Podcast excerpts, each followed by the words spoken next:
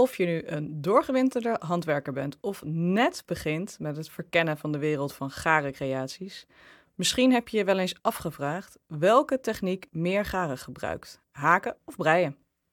Zeker nu alle handwerkmaterialen steeds duurder worden, kan de hoeveelheid garenverbruik voor jou misschien een doorslaggevende factor zijn.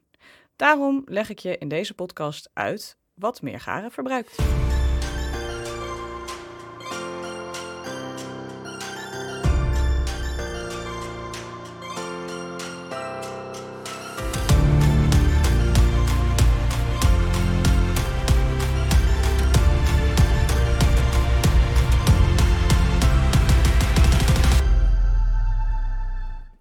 Het lijkt misschien een eenvoudige vraag, maar het antwoord is toch wat complexer dan je zou denken.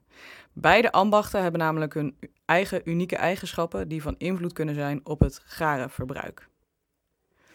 Daarom ga ik nu wat dieper in op de factoren die bepalen welke van de twee meer garen vergt. Ik ben ook heel erg benieuwd naar jullie mening, dus deel die vooral in de reacties of op de social media kanalen.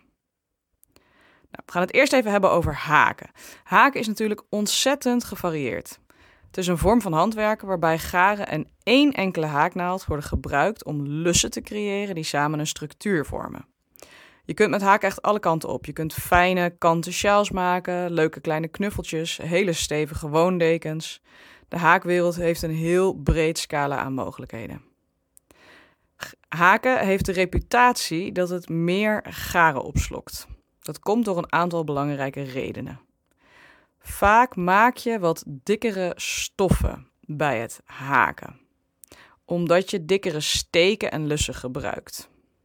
Dat is moeilijk zo in een podcast uit te leggen, maar als je een stokje haakt, dan leg je daarbij meerdere draden over elkaar heen.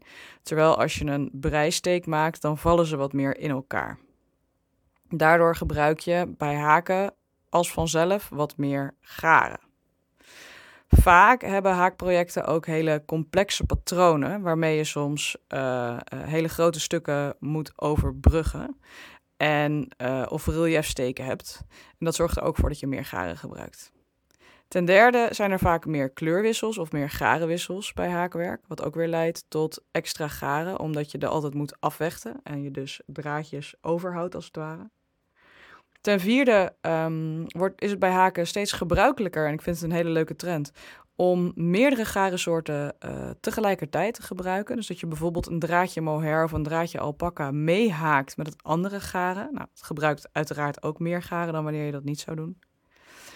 En bij haken zijn heel veel verschillende projecten te verzinnen waarmee je vulling gebruikt. En als je ergens knuffelvulling in wil doen, wil doen dan moet het uh, haak patroon of hetgene wat je aan het maken bent, moet heel dicht zijn, anders komt de knuffelvulling er weer uit. En zo'n heel dicht haakwerk verbruikt ook meer garen dan wanneer je het wat opener zou hebben. Breien is aan de andere kant een techniek waarbij je garen op ten minste twee naalden zet. En je maakt dan een stof door rijen van steken te vormen. Breiwerk heeft de neiging om meer ja, gestructureerd en dichte stof te produceren dan haken. Als je bij haken met stokjes werkt, heb je altijd de ruimtes tussen de stokjes. Dat heb je met breien niet.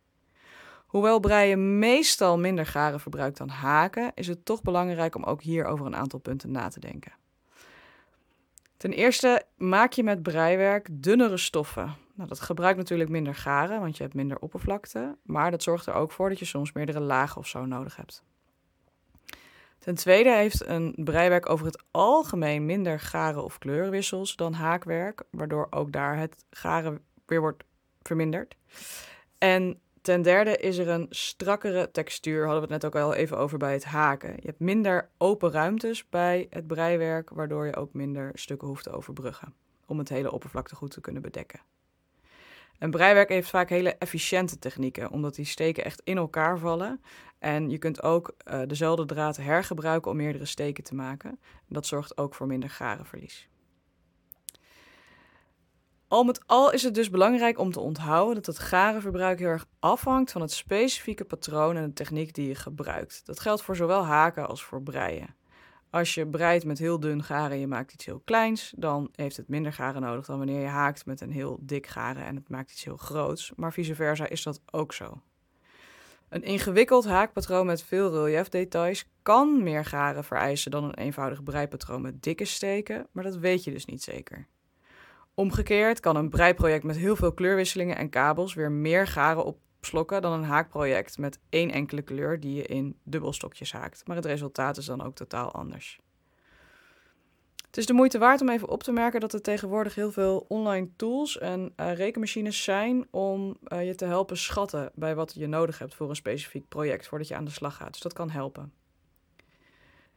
Ik denk dat in de soort van neppe strijd die er tussen haken en breien soms is over garenverbruik, lijkt het me vrij duidelijk dat er niet echt een eenduidig antwoord is, maar dat haken vaak wel meer gebruikt. Dat merk je ook als je gehaakte truien of gehaakte mutsen ziet.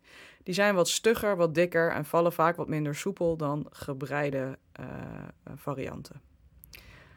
Ik moet er wel bij zeggen dat beide technieken hun eigen charme en toepassingen hebben en dat het helemaal aan jou is als creatieve handwerker om te bepalen welke techniek het beste past bij jouw project en bij jouw stijl. Dus ongeacht of je nou een fanatiek haakster bent of een fervent breister, laat je niet afschrikken door het garenverbruik, maar laat je juist inspireren door de eindeloze mogelijkheden die je met beide kunt bereiken. Ik hoop dat je wat gehad hebt aan dit verhaal, ook al was het geen eenduidig antwoord op de vraag wat meer garen verbruikt. En ik zie je weer terug in de volgende podcast.